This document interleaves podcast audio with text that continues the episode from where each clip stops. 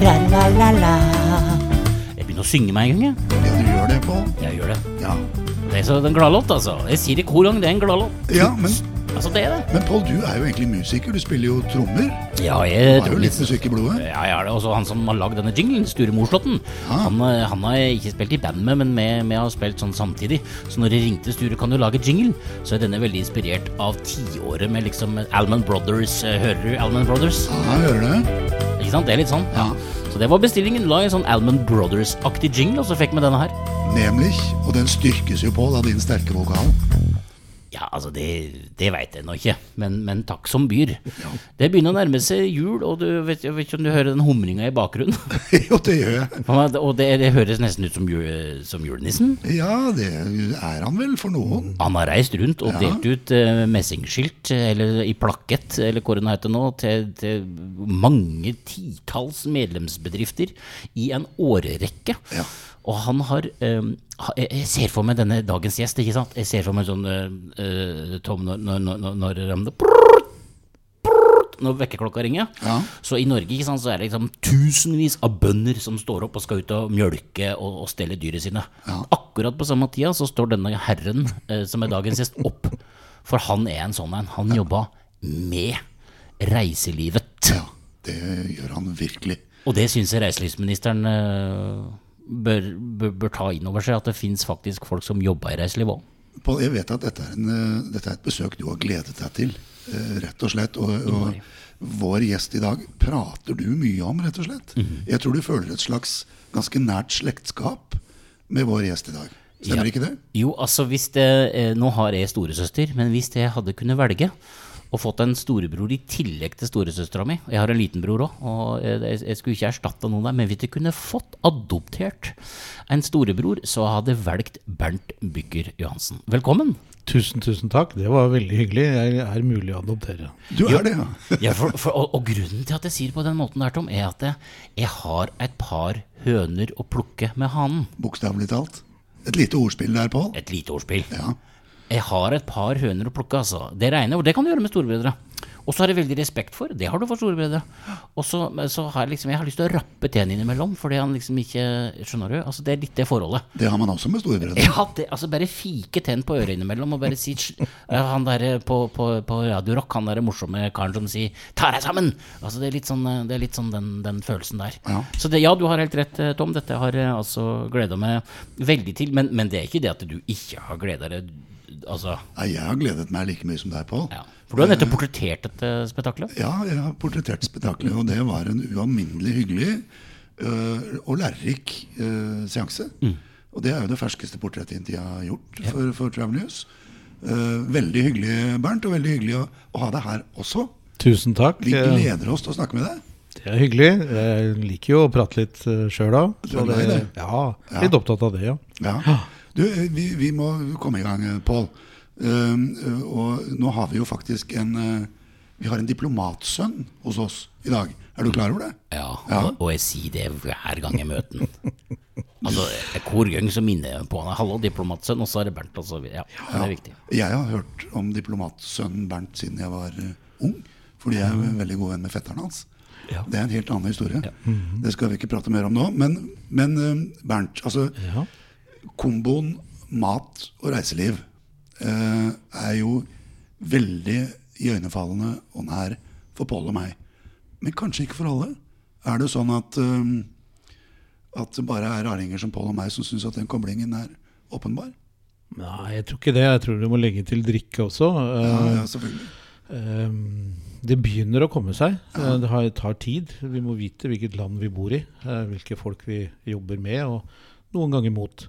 Ehm, så eh, etter denne sommeren her, eh, så tror jeg veldig mange har fått øynene og ørene og munnen og gane opp for, eh, for komboen. Ja. Eh, for jeg tror det er de som Og det tror jeg sommeren i- Jeg bare spør senere ikke i det historiske, så, så for eksempel, eller mange av våre medlemmer, så, så merker de jo det begeistra gjester som uh, har fått smake på dyra eller kornet eller honningen eller sideren som de sjøl produserer, eller som er fra nabogården, Eller osten. eller osten, så, så gir det, en, det gir et helt ultimat. Det er jo det vi på en måte eh, Så det, det store gjennombruddet for det litt sånn slitte uttrykket i Innovasjon Norge-sammenheng, helhetlige opplevelser, det er, det, så, du sovner jo nesten. Men, men det, det er sommeren i, i år også. Det har vært helt fantastisk. Så, så det, ja, nei, jeg tror ikke det. Jeg tror ikke det. Du, Et uttrykk som jeg ikke er glad i, det er 'dette skal vi komme tilbake igjen til'. Det syns jeg alltid er så irriterende. Ja. Men nå skal jeg si det. Dette skal vi komme tilbake igjen til, Bernt. Fordi vi, skal, vi må snu oss litt, og så må vi begynne ved begynnelsen. Vi må høre litt hvem du er, hvor du kommer fra, hvor du har vokst opp. Hva er det som har formet Bernardo Bucker Johansen? Ah, det, det, ja, hvor, dette var en halvtime, eller var det Nei, jeg er fra vokst opp i, i Asker, eh, vokst opp på bygda. eh, Blant annet eh, ja, trodde mine første 16 år i Asker. Er appåklatt av fire unger. Du nevnte diplomat. Ja, det stemmer. Faren min var diplomat, og det var jo den gammeldagse diplomaten hvor mor, eh, fruen, reiste med. Det var jo mannlige ambassadører, må vite. Ja, det er klart. Det er klart. Ikke noe surr i vatsen der. Eh, jeg flyttet ikke med når jeg kom i den alderen hvor man skulle liksom være med ut. Og foreldrene mine hadde vært hjemme noen år. Eh, så jeg eh, gjorde jo det rare valget, da, vil noen si. At jeg valgte ikke å gå på kostskole i Sverige. Det syns jeg var veldig rart. Eh, Eller Wales. eller Wales. Det burde jeg kanskje ha gjort. Jeg vet ikke. Men jeg endte opp på Bø videregående skole, og jeg angrer ikke en eneste dag. Nei, for der lærte du dykka, dykka Ja, Jeg lærte mye. Jeg lærte råning, jeg lærte å ha med Råning? folk å gjøre. Ja, nei, altså det var eh, Ettersom jeg sa i intervjuet til deg, da at eh, etter å sitte og synes synd på meg sjøl en par måneder, så slutta jeg med det. Ja. Og så gikk det ut i verden, og så hadde den utrolig mye å by på. Og for en sånn eh, forstadskommunegutt så var det mye spennende, både ja, på alle måter. ja. Ja, det Men- var, lærte seg, og som jeg har sagt, jeg har alltid vært glad i en fest.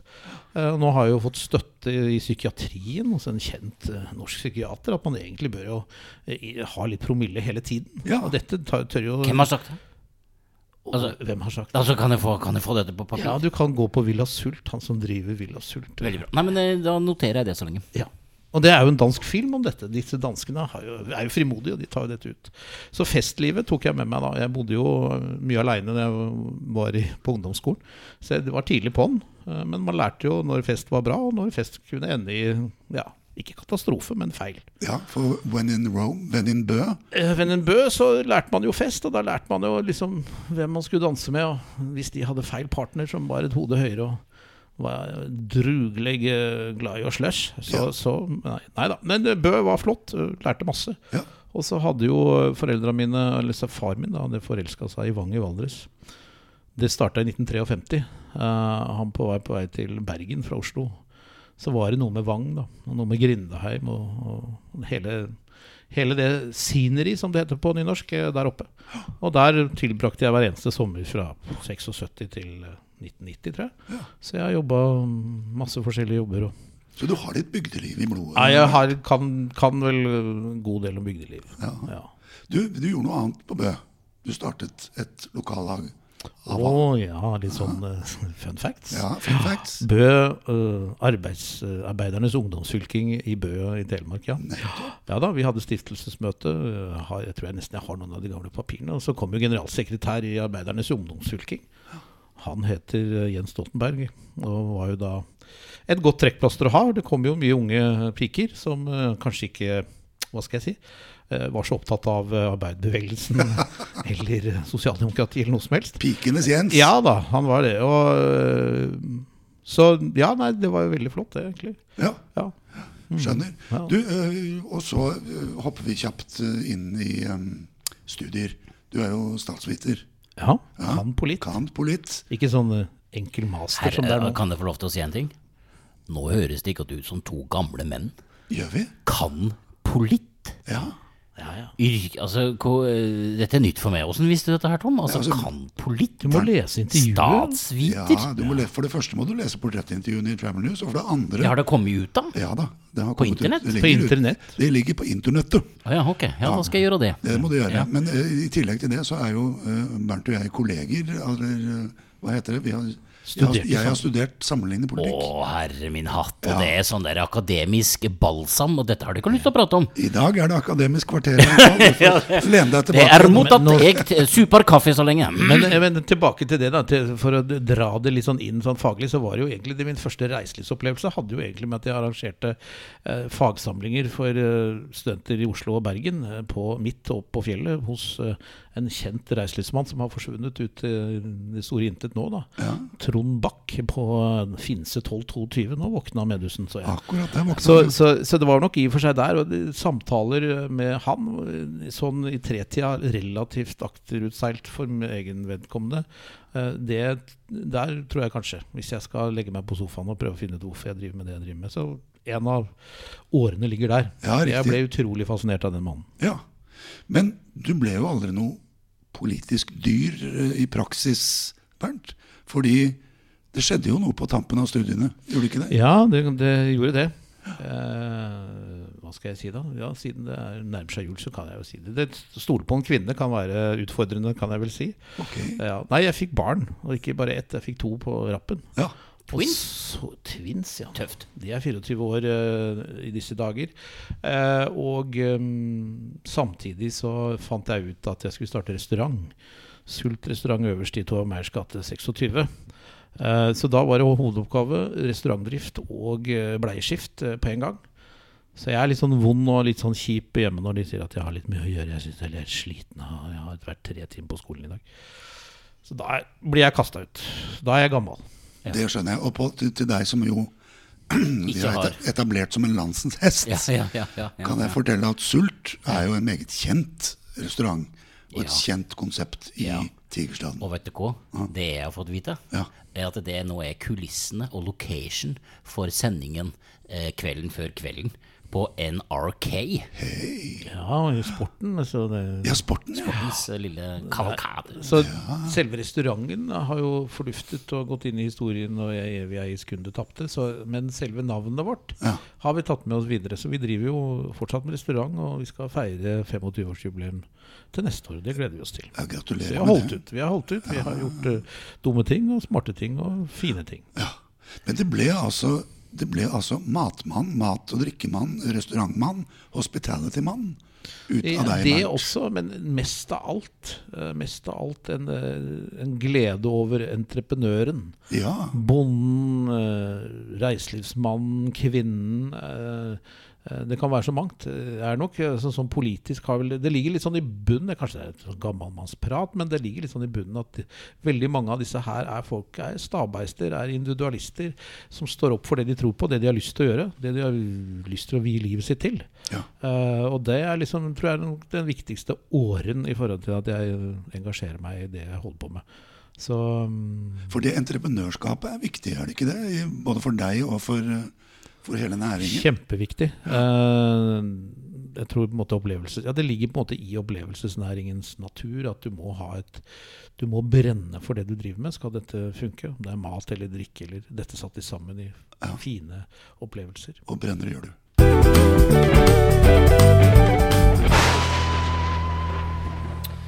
Ja, det kan du si. Brenner, det gjør du. Altså, han sitter jo her og dirrer på sofaen eller på stolen. Eh, skal, vi, skal vi ta deg en prat om denne organisasjonen, Hanen? Og jeg lyst til, å be, lyst til å begynne å plukke høner nå, Tom? Nok et ordspill der, Pål. Du er i form i dag. Ja, nei, men altså, eh, jeg har jo gleda meg så fælt. Ja, det er sant, det, altså. Er vi ferdig med innledning nå? Ja, skal jeg fordele, Da jeg skrev intervjuet, vet du hva tittelen var? Han, Hanen og egget. Ja. Ka-ching! Ja, ja. Vi er ikke så verst når vi tar oss sammen. Bernt, det som er greia Jeg påstår, helt ydmykt, at du er en av veldig få mennesker i Norge i dag som jobber med reiselivet, og den delen av eh, norsk næringsliv som er reiselivet. Fordi eh, hanen tar vare på og viser omsorg for, jobber for i kulisser og korridorer, den delen av reiselivet som ikke har milliardæronkler eller store statlige strukturer foran seg. Denne organisasjonen har et navn, den heter Hanen. Stemmer det. Kan, få kan, kan du ta den mellomkorte versjonen av hva hanen er for noe? Hanen er eh, mange ting. Eh, men det, er det helt konkret så er det en næringsorganisasjon for de som driver med lokal foredling av eh, det de produserer på gården sin. Mm. Om det er korn eller kjøtt eller fugl eller melk eller hva det måtte være. Um, og det er også de som på en måte driver med uh, ulike former for servering, ulike former for overnatting. Stort eller lite. uh, med utgangspunkt i uh, landbrukets ressurser, som det heter. Litt sånn kjedelig, kanskje. Men det er også på en måte Det er et uttrykk for en, et ny, nytt Norge, men også et gammelt Norge. Mye av det som de flinke folka i, som er medlemmer hos oss driver med, det drev man med for en 70-80 år siden i Norge. Dette såkalte mangesysleriet. Eh, og så, sånn faktisk da, så er jo hanen over 20 år, kanskje snart 25 år. Litt an, kommer litt an på man, hvor man setter startspunktet. Men dette kommer ut av en eh, modernisering av landbruket. En mulighet, mulighet for bønder til å ta helt regi på egen skjebne. Men innafor selvfølgelig strukturer som tar vare på matproduksjon og drikkeproduksjon. Um, om du lager ost eller sider eller hva det måtte være. Så det er I 1997 så ble norsk um, uh, bygdeturisme etablert. Det var en litt sånn reaksjon på litt av det du snakka om. Eh, det var nok eh, bedrifter og overnattingsvirksomheter som kanskje ikke følte seg så velkommen, og følte det litt vanskelig å forholde seg til det store reiselivet. Eh, og så ble Norsk Gardsmat, eller Gårdsmat, etablert av eh, Landbruks- og matdepartementet i ca. 2000, eh, som et eh, bidrag til å løfte fram og utvikle en differensiert matproduksjon i Norge. Det er derfor vi har all den sideren, det er derfor vi har all den osten, alle de fenalårene etc. og flatbrød og vann. For vi som sitter rundt dette bordet her, vi er så gamle at vi husker at sånn var det ikke. De som tror at det norske matmangfoldet som er i dag, er noe som har kommet av seg sjøl, de uh, har, ikke, har ikke satt seg inn i hva som har skjedd. Så, så vi, hanen er på en måte et ektefødt barn av en ny måte å drive reiseliv på. og Et, inn- et innhold i reiselivet, eller opplevelsesnæring, liker jeg kanskje litt bedre. Og en helt annen måte å tenke landbruk på. Koble dette litt tettere til reiselivet, eh, Bernt, i praksis. Um, la oss si at jeg eier et hotell i, et, eh, i Gudbrandsdalen. Hvorfor er det viktig for meg å ha tilgang til f.eks. lokalproduserte varer og produkter? Hvis ikke du vil være et, en virksomhet som lett kan byttes ut med en hvilken som helst annen plass, så må du ha eh, en tilhørighet. Du må, du må måtte svare ut gjestens ønske om å, å, å få svar på spørsmålet hvorfor skal jeg være her. Mhm. Hvis vedkommende egentlig bare skal sove og så dra videre, og, så er det jo greit nok. Mm. Men hvis, hvis du ønsker noe mer, og hvis du til og med ønsker at gjesten skal komme igjen, uh, gjenkjøp er det noen som er opptatt av, ja, så må du jo på en måte svare ut gjestens ønske om å, å oppleve noe annet enn bare veggene og dyna og, og gardiner foran eh, vinduet. Mm. Så det er noe med å ta opp i seg den, den omgi, de omgivelsene man måtte er en del av. Mm. Altså, jeg har brukt de siste 20-25 årene av mitt liv på å reise rundt egentlig over hele verden eh, og skrive om det. Og for meg har det blitt viktigere og viktigere hele veien underveis å integrere uh, mat- og drikkeopplevelsen. Nemlig altså det å ta inn i seg, bokstavelig talt, den lokale kulturen der hvor jeg kommer, har blitt så viktig at hvis jeg gjør en stor reisereportasje uten å pense inn på det, hva er dette områdets spesialiteter, både når det gjelder mat og drikke, så gjør jo jeg noe feil. Eh, og det mener jeg jo understreker veldig godt hvilken betydning hanen og landbruket har for reiselivet. Ja, definitivt. Den har en enorm betydning, og det er noe med å ehm, Og det ser en jo på en måte i, i årets uh, sommersesong, at eh, de som uh, har tatt opp i seg det, dette, har jo på en måte også vært de som har eh, tatt imot eh, flest gjester. Altså Når vi reiser sørover, eller eh, vestover, eller østover, så er det jo på en måte den eh, Det er maten, det er lukten, det er eh, smakene på alle måter. Det er det vi ønsker å ta inn over oss. Det er derfor vi vil reise. Den såkalte 'reasons to go', som det heter på nynorsk. Det er jo det som skaper også, og det tror jeg er viktig, at reiselivet ikke bare er noe som blir plassert tilfeldig på en plass, men at det er en del av det samfunnet rundt og i, eh, i den bygda man er, i det lokalsamfunnet man er.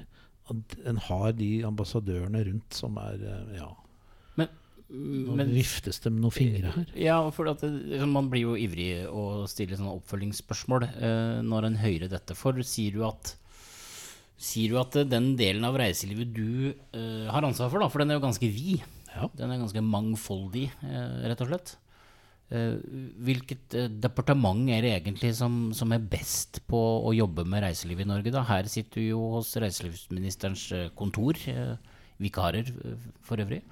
Men altså, hvem, hvem skal vi stole på for at dette fortsetter? For nå har de samla eh, mange bedrifter osv. Hvor mange er det nå egentlig?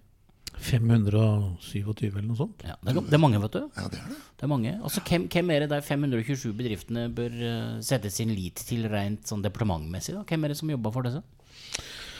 Nei, det er jo reiselivets eller opplevelsesnæringens svøpe at du, du, du er jo avhengig av flere departement. Fire, fem, seks stykker, eh, dessverre. er det Minst. minst. Men for vår del, og for våre medlemmers del, så er det jo Landbruks- og matdepartementet som er den viktigste departementet. Men så har man jo liksom en tilhørighet inn mot ø, næring og fiskeri. Tja. Men du, Samferdsel har betydning. Miljødepartementet har men du, når vi først er inne på det, så er det jo, det er jo klart at du, som diplomatsønn, Bernt, Ja.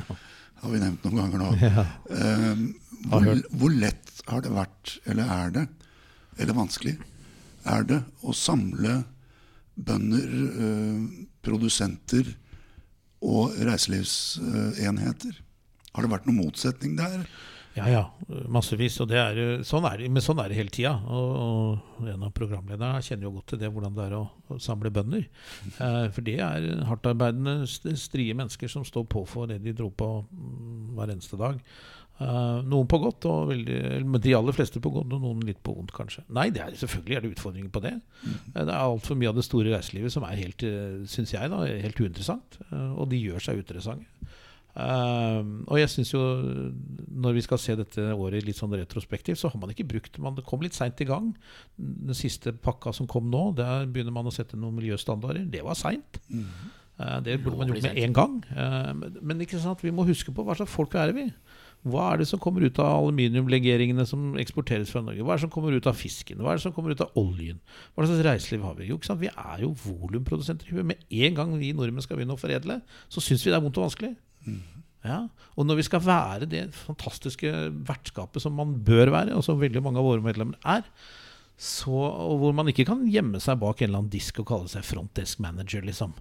Eh, man må ut der og begeistre. Og når man er tross alt en av de dyreste landene i verden å besøke og være hos, ja, da må man begeistre. Og da må man begeistre alle de sansene som er der, og da må man snakke til folks mager og munner og neser og øyne og, og, og lengsler. Ikke sant? Dette dreier seg mye om lengsler også.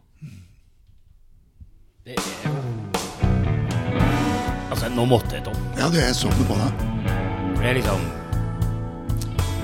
Koronakonsekvens. Altså, det er liksom Dette høres ut som eh, Vi har tatt den litt ned nå, Bernt. Hører liksom eh, Altså, dette er Koronakonsekvenser. I dag presentert av Bernt Bykker Johansen. Diplomatsønn. For vi, må dit nå. Bernt, eh, du har 527 medlemsbedrifter. Vi har hatt gjester her, Tom og Bernt, som har sagt at koronatida har hjulpet oss til å tenke nytt og annerledes og slik. Hva har skjedd i disse 527 bedriftene du eh, representerer gjennom koronaen? Har vi lært noe? Har det blitt noe? Er det noe som har blitt bedre? Jeg tror det er mange ting som er blitt bedre. En del av de som har eh, hatt eh, kun fokus på utenlandske gjester, de har fått seg en smell. Mm. så du må tenke mer differensiert. Mm. utrolig mange folk på Helgeland eller Lofoten eller ja, Hardanger eller uh, mange plasser i Innlandet har plutselig fått en haug med gjester som virkelig er superinteressert i det de driver med. Uh, og, og, og på en måte spør og graver på en helt annen måte. Og plutselig forsvinner viner eller sidere som de aldri tenkte at skulle bli solgt. Ja, Hvem er disse gjestene, da? Nei, det er jo hos nordmenn, det, da. Oh, ja. Er det det? Ja, det er jo vi som har vært her. og som hva har er jeg har aldri forstått? Hvorfor er det ikke like fint å være i Fredrikstad som i Barcelona? Men jeg kan få lov til å komme med en liten eh, Altså, det er jo fordi forskere, som jo alltid har sannheter, har forska på mange ting, men aldri stilt spørsmålet Hvis det er noe som gjør at du aldri kan, eller at i et år ikke kan reise noe annet sted enn i eget ferieland, vil du da feriere der? Det spørsmålet er ikke stilt. Sant? Eh, dette, tenk, om hadde, tenk, om noen forskere hadde giddet å stille For dette, da hadde det blitt sant. Du, for, for, ting som jeg ikke har forska på, er jo ikke sant. Uh, som prøver å påstå andre ting som ikke er forska på, jeg får sånn Nei, det er ikke sant. For dette er, det har jo ikke vært usant at nordmenn har villet dette. Nei. For, det er jo mange bevis på det, men nå har vi jo ordentlig fått den i magen. Fått den i magen, og vi har, og det, det har de som på en måte representerer opplevelser og, og, altså, Kristin Krohn Devold fikk rett i ett en spesiell ting. Hun sa det vel sånn i slutten av mai. Der dette blir en de smås somre. Ja, vi gjorde det. Så alle mulige slags campingplasser. Fine, stygge, hyggelige, mindre hyggelige. Fine hoteller rundt omkring i, i fjordene, og små overnattingssteder i hengekøyer eller i hva det måtte være som henger i trærne rundt omkring på Helgeland. De har hatt en fantastisk sommer. Og de som har produsert sidere eller fenalår eller hatt en eller annen gårdsbutikk, så enhver som har en gårdsbutikk, om det er selvbetjent eller et fantastisk utvalg, har hatt uh, utrolig med besøk. Så, så attraksjonskraften uh, til den delen av reiselivet, eller opplevelsesnæringen som vi representerer, er stor. Og vi ser at det kommer uh, av litt sånn kjedelige hoteller i fjordene f.eks. skjønner nå at vi må ha noe mer enn bare dette rommet. Mm. Av disse kinesiske bussene så er det jo på en måte ikke tjener vi noe særlig penger på det. Vi bytter litt sånn penger, egentlig. Uh, og for første gang så har på en måte historiske hoteller jeg skal ikke nevne noen, så har de plutselig måttet gå i vinkjelleren og solgt viner som de syns egentlig Nei, jeg vil ha de sjøl, ja. Men, men de og det er, så det er masse sånt. Men det på en måte budskapet har jo Nå kan man jo begynne å løsne på dette her. Har jo på en måte ikke vært ja, skal jeg si da, en del av den historien. Uh, man har, uh, som man ville fortelle. Det var jo det var vondt og vanskelig. Og det var for mange. Og, men for de store, jf. her vi sitter, uh, har det vært krevende å begynne. Og jeg syns vel at man har latt for mange slippe for lett unna. Hvor er de pakkene til disse byene? Hvorfor skal jeg ikke reise til Ålesund? Hvorfor skal jeg velge mellom å dra til Ålesund versus Praha? Hvor er de pakkene hen? Hvor er de opplevelsene? Hvor er den guiden hen? Mm. Og det er liksom at, at, og, Det er liksom Det syns jeg noe av det Ja. Jeg reagerte også litt sånn fra, fra eh, bak i ryggen der når eh, næringsministeren kom om å snakke om eh, den nye normalen.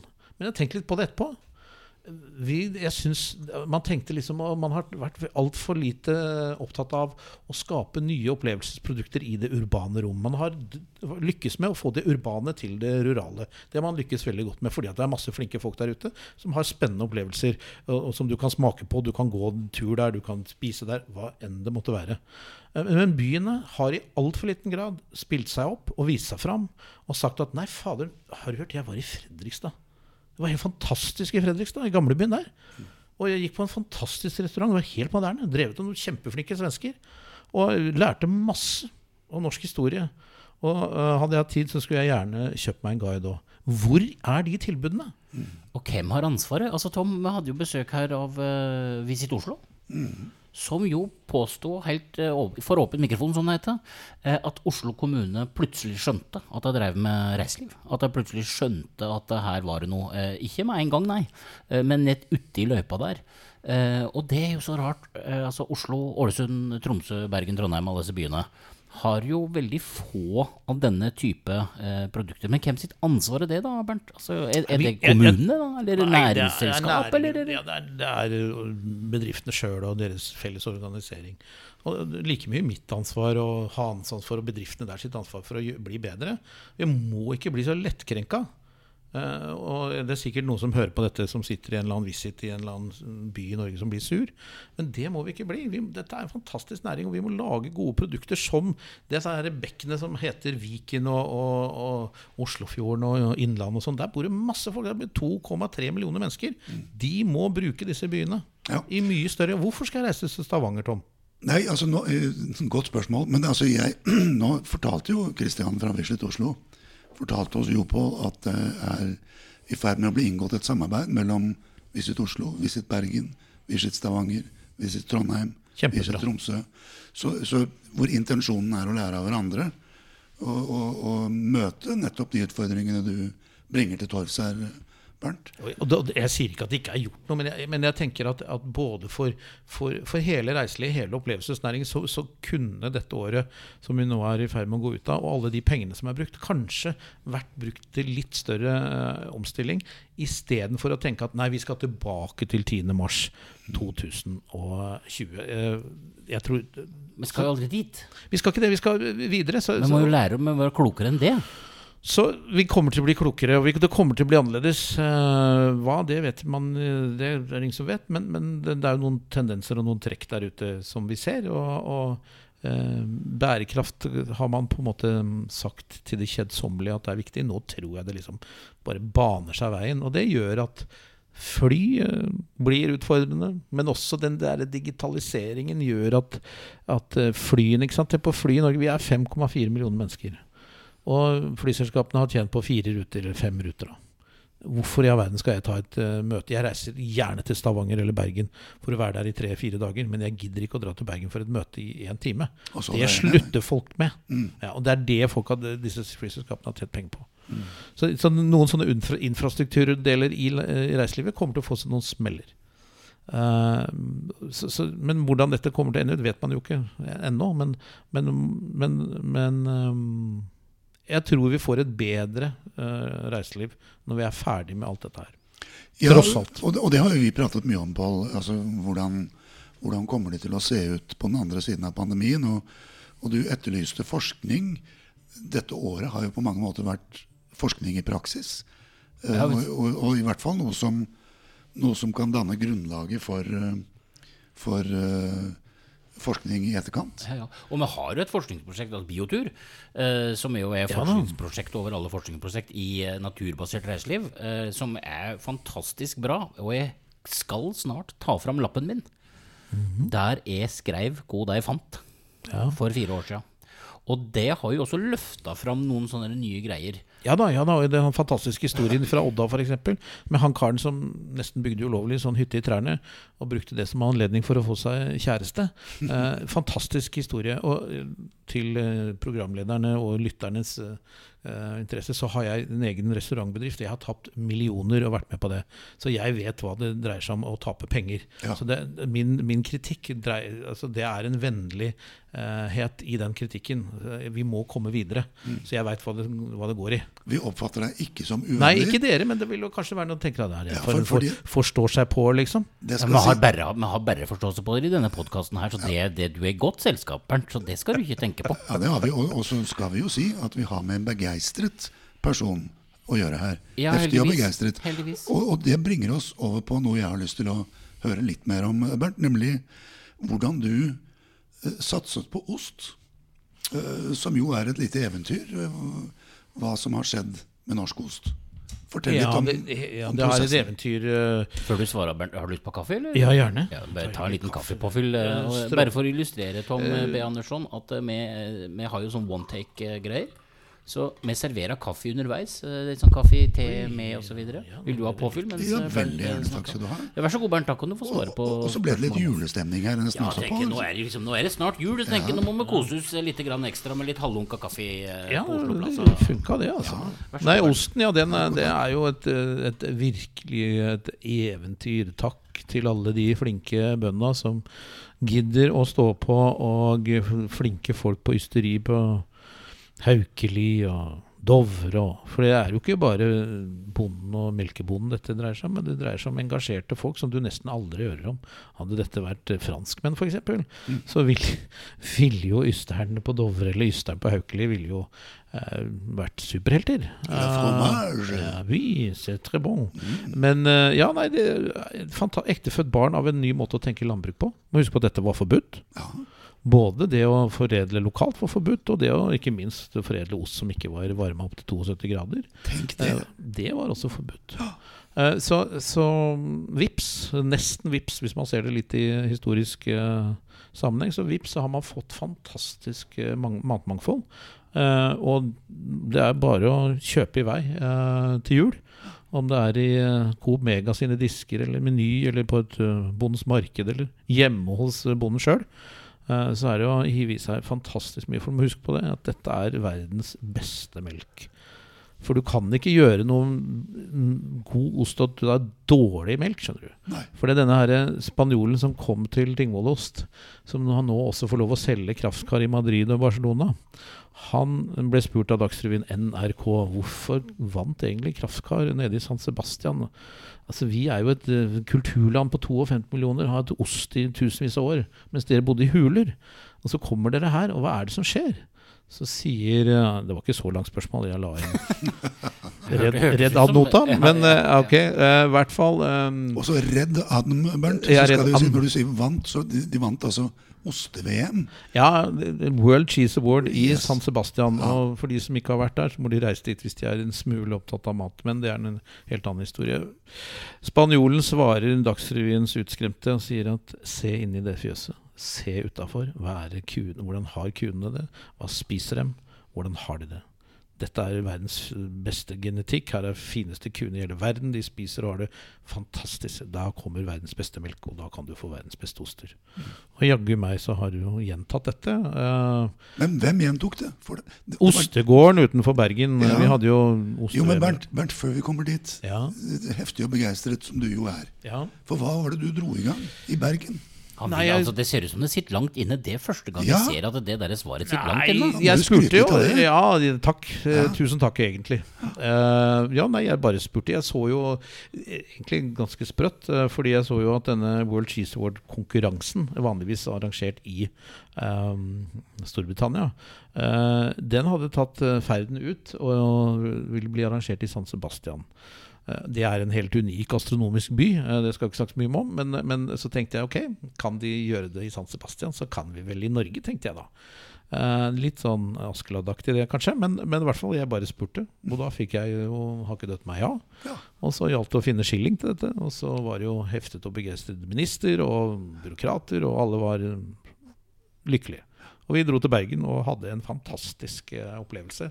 Og et viktig momentum for utvikling av norsk ost, tror jeg. Nemlig. Kanskje det viktigste momentumet for eh, lokalmat i Norge utafor osteverden også. Eh, For det var jo veldig mange andre som så at eh, skinka, pølsa, eh, der er speka, der er sylta, der er salta, der er fiska, der er skaut, der er dyrka, plutselig kunne få en posisjon. Eh, For det var greit det med ystere og sånn, fantastisk det, men det var jo så mange andre eh, som også fikk trua på dette. Eh, og det, det, det bærer det jo preg av. Eh, skulle vi liksom tatt en sånn tippekonkurranse, da, sånn, altså, hva tror du sånn har oste-VM i Bergen 2018 hatt noe å si eh, for, for, for norsk reiseliv? Se, men nå er reiselivsministeren og skal tørre å koble litt dette her. Har det, har det hatt noe effekt på norsk reiseliv? Nei, kanskje ikke så stort som det burde ha hatt. Eh, man har nok ikke tatt det inn over seg. Man eh, um, Men Bernt, det lister seg jo litt på også. Altså, på, jo, men, jo, på resta jo, restaurantene i byene. ja, men, Hvis, hvis, det er, hvis det er reiseliv, så er det sånn i dag at hvis du driver en eh, restaurant med respekt for deg sjøl, eh, om du er i Bergen eller Stavanger eller i Horten eller hvor det er for noe, så har du norsk ost på den tallerkenen eller i en eller annen sammenheng på den restauranten du driver. Ja, så sånn sett så har det hatt betydning. ja, men eh, det det også gjør, er jo at du skaper oppmerksomhet rundt produksjonen av norsk lokalmat. Og en sånn frifant som meg eh, ble jo veldig tidlig inspirert til å besøke nettopp Tingvoll og skrive om Tingvoll i reisemagasinet Reis. Nettopp fordi at vi så at det begynte å komme Og dette er interessant! Dette er noe å besøke, dette er noe å få med seg. Dette er noe å lete etter når du er på det lokale spisestedet eller det lokale, lokale hotellet. Ja. Ikke sant? For meg eh, som, som reiselivsjournalist så, så er det jo en helt åpenbar kobling mellom det å løfte opp lokal, eh, lokale produkter og oppleve Jo, lokalturisme. mye av norsk reiseliv har jo gjort det forut for uh, oste-VM og blitt inspirert av det. Men det er altså, sånn i volum, hvis du tenker altså, Apropos, jeg vet ikke hvordan det er med frokosten her, ja, men, hvor vi sitter nå, men, men sånn i volum så, så er det fortsatt mye å hente på, for norsk ost i, norsk reiseliv eller norsk Horeca. Masse å hente. Uh, det importeres i bøtter og lass av uh, ost fra utlandet som eh, mye av norsk ost kan fint konkurrere med. Eh, selvfølgelig er det et annet, som det heter på fagspråket, prispunkt på dette, men osten i seg sjøl har et smaksbilde og har en opplevelse som er helt fantastisk. Men vi må komme videre. Og den ene programlederen har bidratt vesentlig til det gjennom etablering av det som heter Ostebygda og Hole ysteri. Og det er For ikke meg. Det er ikke deg. Men, men, men fordi det dreier seg om og Vi må ha flere ostebygder. Vi må ha flere utsalg. Vi må ha flere som setter dette i sammenheng. For vi kan ikke, Og det er jo ikke sånn at vi skal bare ha disse små stedene. Og, og, sånn. Vi må også ha store, større maskiner. Men de må besjeles. Og de turistene som bor i de gode sengene på de store hotellene, de må jo spise godt og drikke godt og få god tur på rette steder hvor de kan gå innom støler, hvor de kan treffe begeistrede mennesker som, som lager spennende produkter. Det er liksom greia, da som vi må få til i mye større grad. For da blir det både hyggeligere å bo der, og de tjener penger. Og, og den historiefortellingen Det er jo sånn som når folk har vært i Barcelona, Pimont eller, eller, eller i Georgia, eller hvor det måtte være. Så forteller du jo sånne historier. For det- det går fint an å fortelle fra Norge òg. Ja, for det er vanlig. Det, det tror man på. Også når han der eh, kjakablakken Tom B. Andersson eh, i Travel News eller Reise Du skriver jo historier som det, det, største, det største selvfølgelighet, og skinke her, og Du sa det jo sjøl, liksom, Vi Ja, ikke har det med. Men det der er vi jo så et, Vi er så dårlige på det i dette landet. Sant? Altså I ostebygda hjemme oppe i, i Hol kommune der, ikke sant? der er det to nye stillinger. Tre nye AS-er, fire nye osteprodukter, som er en direkte konsekvens av at vi tok den muligheten som Oste-VM eh, ga oss. Det, og jeg sier jo ikke det at, det, altså at Oste-VM har skylda. Jeg bare sier det at norsk reiseliv må jo snart stramme seg opp og ta de mulighetene som fins. For hvor skjer det hvis vi får et VM i sider? Det får vi. Ja, vi får det. Ja, ja. Ja, det må du fortelle mer om. Ja, det, er- det, det er jo egentlig ikke offentlig ennå, men vi får det. Så vi kan avsløre det her. Eh, vi lirker det til. Eh, Breaking news. Breaking news. Boom, boom, boom. Ja da, nei, vi har de siste par dagene faktisk denne uka jobba intenst med det. Så Men da må vi jo bli enda flinkere. Da må vi jo Altså, da må jo, men, jo det, jo, men akkurat som du, Pål, starta Ostebygda, så gjorde jo det det smarte i, i Sørfjorden, i Mm. Hardanger, nå i sommer. da Nå bandt jo dette sammen. Hotellet Ullensvang og denne vakre båten og disse vakre gårdene og disse flinke folka som forteller om der de har vokst opp, og hvor oldefaren deres vokste opp. eh, og setter dette i en, i en sammenheng. Og disse produktene er jo helt fantastiske. Det er verdens reneste epler. Som jo da de igjen kan gå og handle nå til jul. Så jeg oppfordrer enhver lytter til å gå og handle norsk sider og ta med seg det til jul. For det passer usedvanlig godt til norsk julemat. Norsk øl også, men norsk sider passer veldig godt. Og det kan du også kose deg med på nyttårsaften. Så, så det blir nok et sider-VM, ja. Det skal, om jeg så skal betale det sjøl. det ser vi frem til. Pål, Ja. vi har virkelig en ildsjel og en entusiast. Ja, men har en som jobber med norsk reiseliv, det er ikke rart den er entusiastisk. Altså, tenk han får lov til å jobbe med 527 av de beste folka i norsk reiseliv. Ja. Han er heldig, han. Sant? Du er er- Kjempeheldig. eh, Det er privilegium. eh, Utfordrende, krevende, men et privilegium. Eh, og når jeg er, om et par timer skal være sammen med noen bønder som skal levere ut noe mat uh, og drikke til eh, folk uh, ute i Asker, på en sånn bondens utlevering som vi har fått på plass, så, så får du det. Den, det er en instant eh, opplevelse av engasjement og kvalitet. Uh, som bare er helt strålende. Dette er jo det å få lov til å være sammen med sånne som brenner for det de, tror, det de driver med, det er kjempebra. Ja. Viktig. Du, Bernt, hvor går hanen videre? Hvor, hvor, hvor, følger man opphold? Hvor galer hanen neste gang? Hvor sparker hanen? Ja. det, ja, det, Det er hønen. Dette kan Det vi drive på. som sparker Ja, unnskyld. Hanen stemmer på stabbursella. Ja. Sånn er det, ja. Ja, det er det. Um, ja, nei, det, er- altså, det er jo å jobbe Uh, Jeg tror jo på det altså, Det er litt sånn dryppsten. Altså, du må på bare jobbe på uh, hver eneste dag. Og så gleder jeg meg til i større grad å se hvordan vi kan koble den matproduksjonen, de opplevelsene, sammen i større grad. Um, så jeg har prøvd å dunke inn, da det kommer jo en såkalt ny reiselivsstrategi, at det er En ting er liksom å gjøre bærekraftig hygienefaktor, men det å gjøre helhetlige opplevelser uh, i det verdens dyreste land til, til hygienefaktor, det må man få til.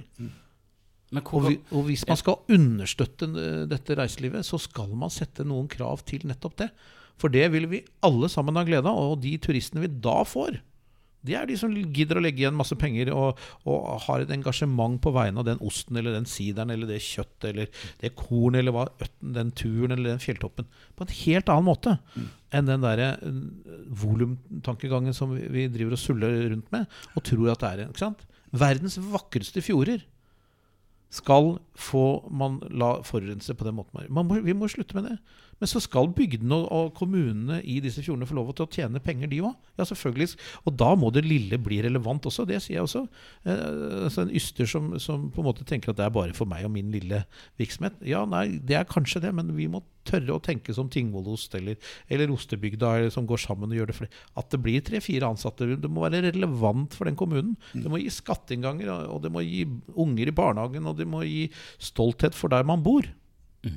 Alt henger sammen med alt, er det noen som sier. Ja, altså tenk om, tenk om norsk reiseliv kunne ha jobba med altså, i- Istedenfor å legge demografi og, og liksom Asia eh, eller Europa til grunn, og lagt dette livsstilssegmenterings... eh, altså personas. Tenk om man kunne jobba temabasert og fått folk til dette landet som faktisk var interessert i det dette Norge eh, har. For det er jo altfor mange som kom hit eh, for et år siden, som var interessert i å være på tur i Skandinavia. Eh, og de visste jo ikke hvilket land de var i. Sant? Og så en dreining til at folk faktisk kommer hit fordi de har lyst, og fordi de har til å bruke alle pengene sine. Altså Det er så mye penger i denne næringen. Og folk har jo betalingsvillighet langt over eh, panneluggen eh, innimellom for å få lov til å kjøre hund i Alta. Eller få lov til å, å svømme, eller lytte til en delfin, eh, eller Ja, ja. hval, Mulighet, ja, mulighetene er, er kjempestore, og det er jo gjort en del gode ting i eh, nordpå. Det har vært en del flinke folk som har satt sammen ting. Og, og med god offentlig finansiering satt sammen produkter på en god måte. Eh, Men så har det kanskje i noen sammenhenger, sånn som i Tromsø f.eks., gått litt over støvleskaftene. Vi kan ikke ha det sånn at, at uh, Frelsesarmeens utsalg er full av Canada Goose-jakker fordi at kinesere er så jålete og rike at de, de går og forfryser i Tromsø og så legger igjen dette på hotellene. Den type turisme er heller ikke veldig bra. Så vi må jo ta den der bærekraften på alvor. Men samtidig så må, må dette være samfunnsmessig relevant. Dette er Norges viktigste næring hva gjelder å integrere folk og ha ansatt folk. Så det er masse muligheter.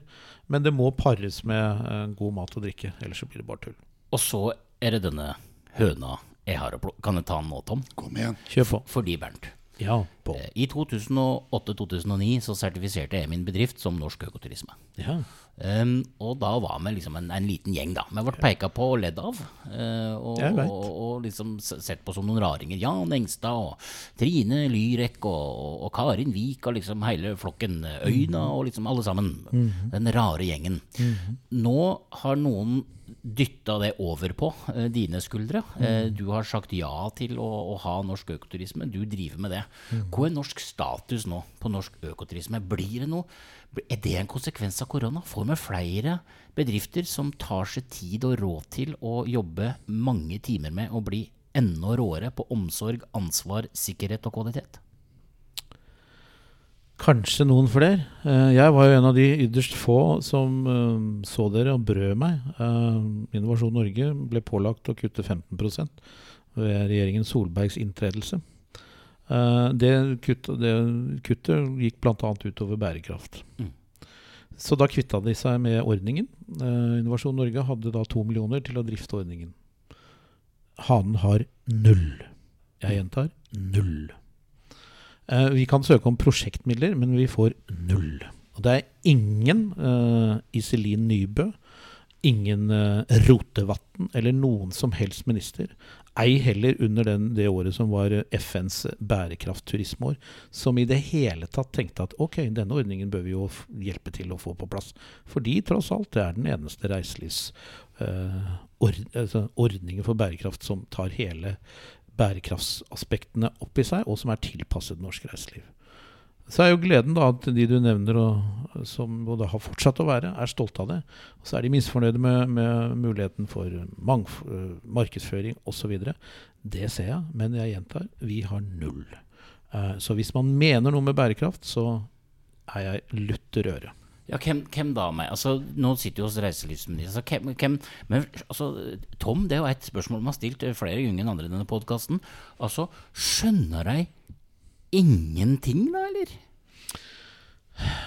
Nei, men man har jo man har på en måte flere sånne bærekraftsordninger, da.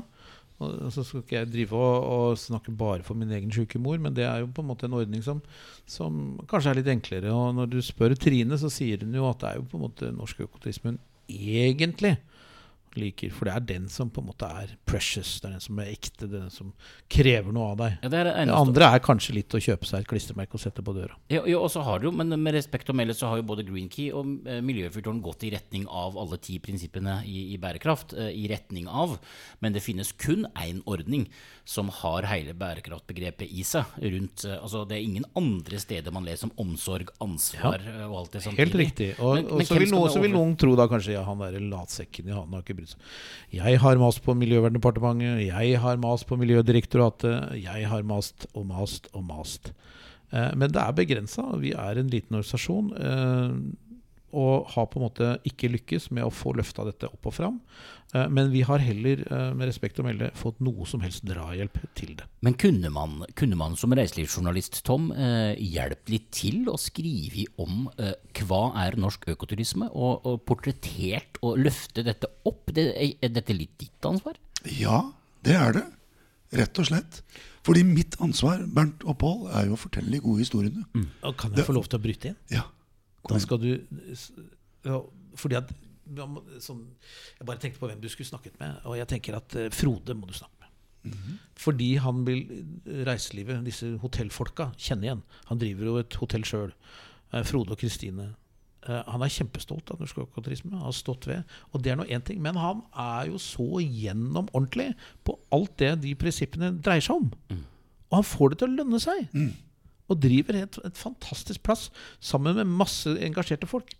Så Frode uh, på Øyna et strålende eksempel. Det er ikke noe galt med noen som helst av de andre, men apropos det å nå fram til disse hotellfolka og få de til å forstå at dette er eh, Og, og, og, hvis, og hvis du vil ha en føljetong, eh, så har vi noen flere tips, altså. For det er, altså, det er jo og, og det sier jeg også hver gang noen spør meg, og økoturisme og sånn. sånn altså, det, er- det er Norges beste reiselivsbedrifter vi snakker om. Mm. så der kan du jammen meg gå hjem og lese det opp. Men Pål, de gode historiene Jeg skal fortelle de i Reis og Travel News. Men vi skal jo også fortelle dem her. Ja. Vi skal jo ha gjester fremover på det nye året, Pål. Ja, som, altså. som skal fortelle spennende historier og, og, og lære oss om hva som skjer rundt det de holder på med. Og det kan fortelle, Ja, som ikke du engang veit, er at det er to første gjestene, kvinne og mann, eh, er eh, sertifisert norske økoturismebedrifter. ja men det er jo strålende. Så fordi at vi, vi må dit så og, og snakke om dette. Ja. Vi, vi, vi må snakke dette opp. Og det er jo ikke hans feil at det ikke er flere norske økoturismebedrifter, men det er jo politikere som hæren flytter med, ikke har skjønt det heller. Og jeg blir altså så antrert over å sitte gang etter gang i denne podkasten her og bare, anså, altså bare forstå dem. Vi har altså et stort oppdrag ennå på nyåret i 2021. Vi må bare klinke til og fortelle og fortelle og fortelle og fortelle og fortelle.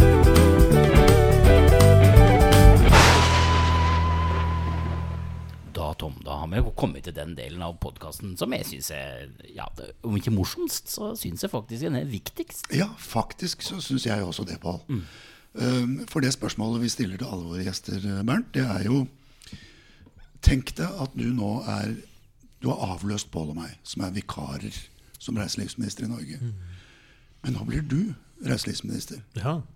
Du har alle midler til rådighet. Uinnskrenket makt. Vi liker det jo ikke, det minner litt om Trump. Men, eh, men la oss si at dette er en tenkt situasjon, Bernt. Hva, hva er det første du vil gjøre? Hva, hva vil du gjøre for reiselivet i kraft av din voldsomt sterke posisjon som reiselivsminister? Nei, jeg ville jo på en måte gjort veldig mye av det vi har snakka om, da. Uh, og jeg ville nok kanskje ikke brukt tvang, men jeg ville nok satt litt krav bak pengebruken i forhold til endring. Uh, og da blir det for smått med, med gresstust. Eh, men jeg ville satt Innovasjon Norge i stand til, og, og, og departementet og pengebruken i, i forhold til krav. At, eh, og det ser en jo på en måte nå, i det, det året man har tema. Man burde ha brukt disse pakkene til å skape noen endringer. Det har man i liten grad turt eller gjort, fordi at det er mange i reiselivet som kanskje ikke vil ha det sånn. Eh, men eh, fokus på sertifisering. Reiselivet må sertifiseres. Det er veldig rart. Rørleggerbedrifter er sertifisert. Snekkere er sertifisert. Samboeren min sin bedrift har ISO 136 370 000. Altså, alle andre har det, men reiselivet skal vil ikke ha det. Så det er noe med å sette noen standard. uh, på, på bærekraften. Og da må jo folk skjønne at bærekraft er jo Nå sitter han stille, han ved siden av her. Er jo ikke bare om du har, uh, om du, om du har sparedusj. Det er jo ikke det det dreier seg om. Det dreier seg om på en måte hva slags eh, opplevelsesnæring den bedriften i alle, alle fasetter i den lokalsamfunnet den er. Om det er vertskapet, innkjøpet etc. etc. Og hvis vi klarer å skape en sånn næring som tar hensyn til det Og det ligger noen anslag i det arbeidet som kommer i forhold til reiselivsstrategien, som, som lover bra. Uh, så jeg ville brukt de mulighetene som lå i å både bruke pisk og bruke gulrot i forhold til å få det mer bærekraftig. Jeg ville ikke prioritert uh, uh, volum uh, på den måten man gjør i dag. Uh, fordi jeg tror dette produktet har en så høy betalingsverdi at vi klarer å bytte ut en del av det volumet med høyere betalingsevne hos uh, gjestene våre. Uh, og det skal, være, det skal være gjester som kommer fra utlandet, selvfølgelig. Og vi kommer til å ha fly, men vi kan ikke ha den derre hordetankegangen hvor de knapt vet om de er i Holland, Stockholm eller i Beijing, eller hvor de er. Det går ikke. Og dette har jo ikke noe med kinesere å gjøre. Det er noen som liksom snakker om at dette har noe med gule for Nei, det har ikke det. Oversjøisk, uansett hvor de er fra, er en utfordring til vi Vi må jo på en måte Det er jo Jeg så på dette programmet til han eh, som har driver Manshausen i går. Altså Nordpolen, isen der, er jo ikke sånn som den burde være. Vi må ta inn over oss dette her. Jeg satt sammen med en ung vinkelner uh, denne uka her, og han sier at alle mine kunder som er under 30 år, de er opptatt av hvordan denne vinen er produsert. Så det der med bærekraft, det bare ruller på. Det må vi ta inn over oss. Ellers så kommer vi til å se ut som tåper. Og nå smiler min reiselivsvikarminister bredt her på. Ja, gjør det, altså. God musikk. Ja, eh, det er god musikk. Jeg tenker at I dag skal jeg ikke kommentere noe videre. Dette står eh, på egne føtter. Eh, jeg er bare veldig glad for å, at uh, brutter'n uh, er, er, den han er. Uh, storebror ser deg, og jeg lytta til storebror min. Så der ser du. Det er enda en grunn til å ha adoptert denne gutten som storebror Bernt. tusen takk for besøket, altså. Tusen takk for å få komme. Det har vært veldig hyggelig. Det var en glede. å være her. Ja, var det ikke det? Jo. Det var en glede. Det var en glede.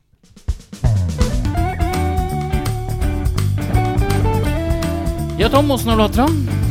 Jeg har hatt aldeles storveis. Ja, du har det? Ja. Hva smilte du òg. Ja, jeg har smilt hele tiden. Hele veien. Ja. Ja. Jeg har sett det. Dette var en uh, fin uh, podkast. Uh, Ja. Det begynner å nærme seg nytt år. Uh, har du, er, har du, er du klar til Ja. jul og nyttår? Jeg er mer enn klar. Er, og særlig for det nye året, Pål. Ja. Det skal bli deilig med litt jul. Det skal Men fy søren så deilig det skal bli med et nytt år. Da er sesongen nummer én av reiselivsministeren uh, over. Syns det har gått uh, greit, så uh, vi slås vel på nyår, da? Vi ses i 2021. Godt nyttår.